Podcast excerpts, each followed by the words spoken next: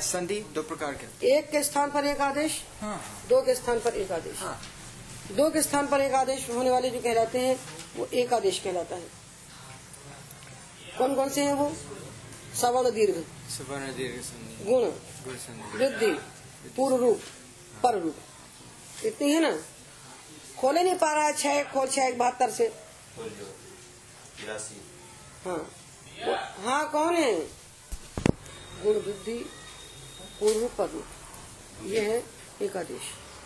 ये जो एकादेश बनता है दो को मिलके एक।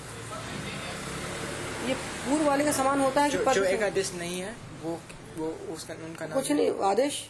हाँ। ये जो एकादेश होता है जैसे वृक्ष औ वृक्ष तो वृक्ष तो प्रातिपदिक है औ सुप है।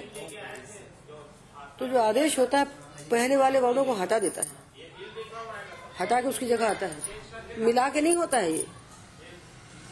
ये हटा के होता है? एकादेश का मतलब दो के स्थान पर एक। हाँ कोई भी आदेश होता है तो हटा के होता है। हम्म, तो वृक्ष का आ हटाया और औ का औ हटाया और एक नया औ आ गया। हाँ हाँ। अब ये जो औ आया इसके भीतर आ तो प्रातिपदिक का है और औ सुप का है। इस औ को हम प्रातिपदिक माने कि सुप माने? प्रातिपदिक नहीं। क्यों? जो जो ओ आया नया- जो ओ आया नया। हाँ, उसके भीतर प्रा- तो, उसके भीतर तो दोनों का हिस्सा है। हाँ, दोनों का हिस्सा है। जैसे हमारे भीतर माता पिता दोनों है। दोनों है ना? तो खाली हाँ, माता दोनों का है दोनों का है। इसी प्रकार जो एकादेश होता है उसके अंदर पूर्व का अंत और पर का आदि ये दोनों रहते हैं। तो जो औ बना वृक्ष उसमें वृक्ष का तो आ है। और औ का औ है उन दोनों को हटा दिया उसने। और नया औ आया आदेश हटा के होता है मिला के नहीं होता। अब इस औ को हम प्रातिपदिक माने कि सुख माने? यदि वृक्ष इसको को। ना वृक्ष को नहीं औ को। ओ ओ नया औ जो आया है। हाँ उसको हम प्रातिपदिक माने कि सुख माने? बताओ क्या मानने से काम बनेगा? प्रातिपदिक तो नहीं है प्रातिपदिक है वृक्ष। वृक्ष है प्रातिपदिक। उसी का हिस्सा तो आ है। तो दोनों का है तब। इस यदि इस औ को हम प्रातिपदिक मानते हैं तो वृक्षव की सुप तिगंतम पदम से पद संज्ञा नहीं होगी तो सुमंत नहीं कहलाएगा प्राति- सुमंत नहीं कहलाएगा प्रातिपदिकांत हो जाएगा। और यदि इसको हम सुप मानते हैं तो ये हो जाएगा सुबंत पद, तब सुप तिगंतम पदम से इसकी पद संज्ञा होगी। समझ गए? तो सूत्र है अंतादिवच्च ये जो एकादेश है, ये कभी आवश्यकता से पूर्व के अंतवत होता है या पर के आदिवत होता है? दोनों इकट्ठे नहीं होते। पूर्व के अंतवत या पर के आदिवत। पूर्वांतवत और परादिवत।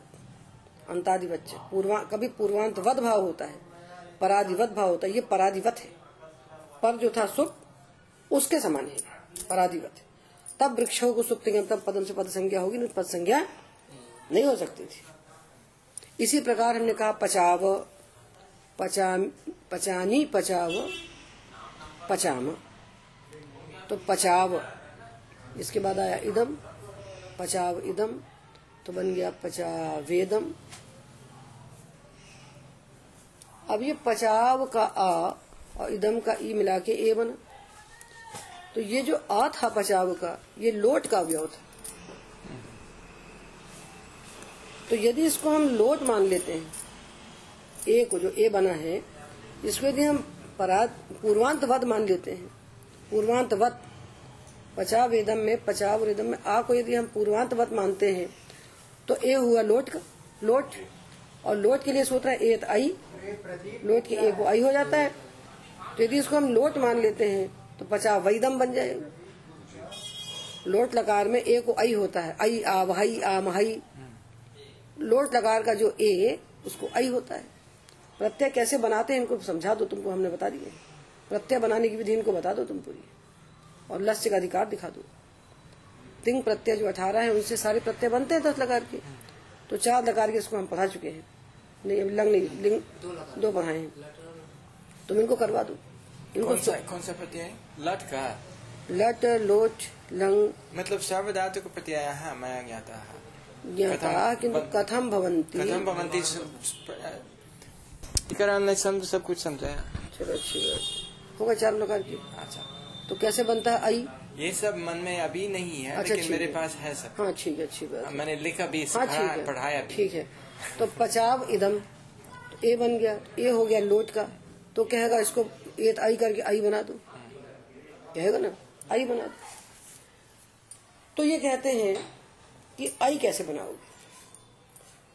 तो असिद्धम बहिरंग मंत्रंगे इति परिभाषया, अंतरंगे कर्तव्य बहिरंग से सिद्धत्व भवति। पचाव इदम इस अवस्था में हमको प्राप्त हो रहा है आदगुण ठीक है? और गुण हमने कर लिया। और अंतादि बच्चे से हमने उसको पूर्वांत वध मान के उसको लोट मान लिया। लोट मान के एत आई से अकार प्राप्त हुआ। अब हमारे सामने दो सूत्र हैं। एत आई और आदगुण दो है। तो आदगुण को क्या क्या चाहिए काम करने के लिए? जिसको काम करने के लिए थोड़ी सामग्री चाहिए। वो अंतरंग होता है। जिसको काम करने के लिए ज़्यादा सामग्री चाहिए। बहिरंग, अल्पापेक्षम अंतरंग। ये सामान्य लक्षण है। वैसे बहुत सारे लक्षण है, पर भी यही समझे तो आद गुण को जो करना है गुण, उसको दो चीज़ चाहिए। पूर्व का, आ, और बाद का अच्छा। और एक आई को केवल एक आई कर देगा, उसको कुछ नहीं चाहिए। तो जिसको कम सामग्री चाहिए काम करने के लिए, कम निमित्त चाहिए, जिसके निमित्त कम हो। तो अंतरंग कौन हो गया? दोनों में से। तो पदद्वैत तो ये हो गया बहिरंग। बहिरंग कौन हो गया? आदगुण। और अंतरंग हो गया ये तई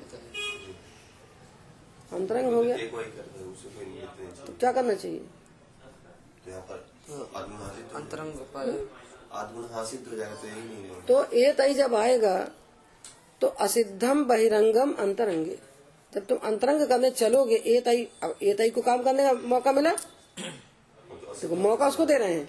वो काम नहीं करते दे रहे तो ए तई को मिल गया कि भाई कम निमित्त है तो कहा जाएगा ए तई तुम यहाँ जाके कहा ए तई जब आई करने चलेगा तो आदगुणा असिद्ध हो जाएगा। उसको क्या दिखेगा? पचाव इदम ऐसा अलग अलग दिखेगा उसको। उसको पचाव इदम दिखेगा ही नहीं तो पचावेदम ही रहेगा रूप। पर पचाव रहेगा पचावेदम। उसको नहीं दिखेगा उसको पचाव इदम दिखेगा। हमको पचावेदम बना मेरा के नहीं? नहीं मेरा के नहीं? नहीं अच्छा। बुला के फिर उसे कहते हैं जाओ जाओ। मेरा के नहीं। बुलाएँगे बैठाएँगे कुछ देंगे उससे कहेंगे तुम अंतरंग हो। तुम काम करो ये नहीं करेगा जाओ। वो गया तो भाई बासित हो गया खेल खत्म कुछ नहीं। ठीक है? अंतरंग। अंतरंग बहिरंग के बहुत सारे प्रकार हैं। और अंतर्गतान निमित्तान यस्य अंतर्भूतान निमित्तान यस्य एक बड़ा है, उसी के अंदर उसके निमित्त बैठे हैं। जैसे उसके निमित्त है अ और ई। ये दोनों मिला के, इसका निमित्त खाली ये है। तो इसलिए आदगुना बहिरंग हो गया। ये तई अंतरंग हो गया। बहिरंग की कर्तव्यता में अंतरंग असिद्ध हो। जाता बहिरंग करने चलेंगे तो अंतरंग जैसा था, वो एज इट इज़ हो जाएगा। असिद्ध का मतलब उसके काम किया ही नहीं, जैसी पूर्व अवस्था थी वैसा में दिखेगा उसको। पर ए तई को दिखेगा तो हमको तुमको नहीं दिखेगा। हमको ए दिखेगा, उसको आ ई दिखेगा। इसलिए वो ए तई कर ही नहीं पाएगा कर ही नहीं पाएगा आलोक की बड़ी तारीफ़ कर रहे हैं। आलोक बहुत अच्छा चल रहा है। बहुत बढ़िया चल रहा है। खुश है।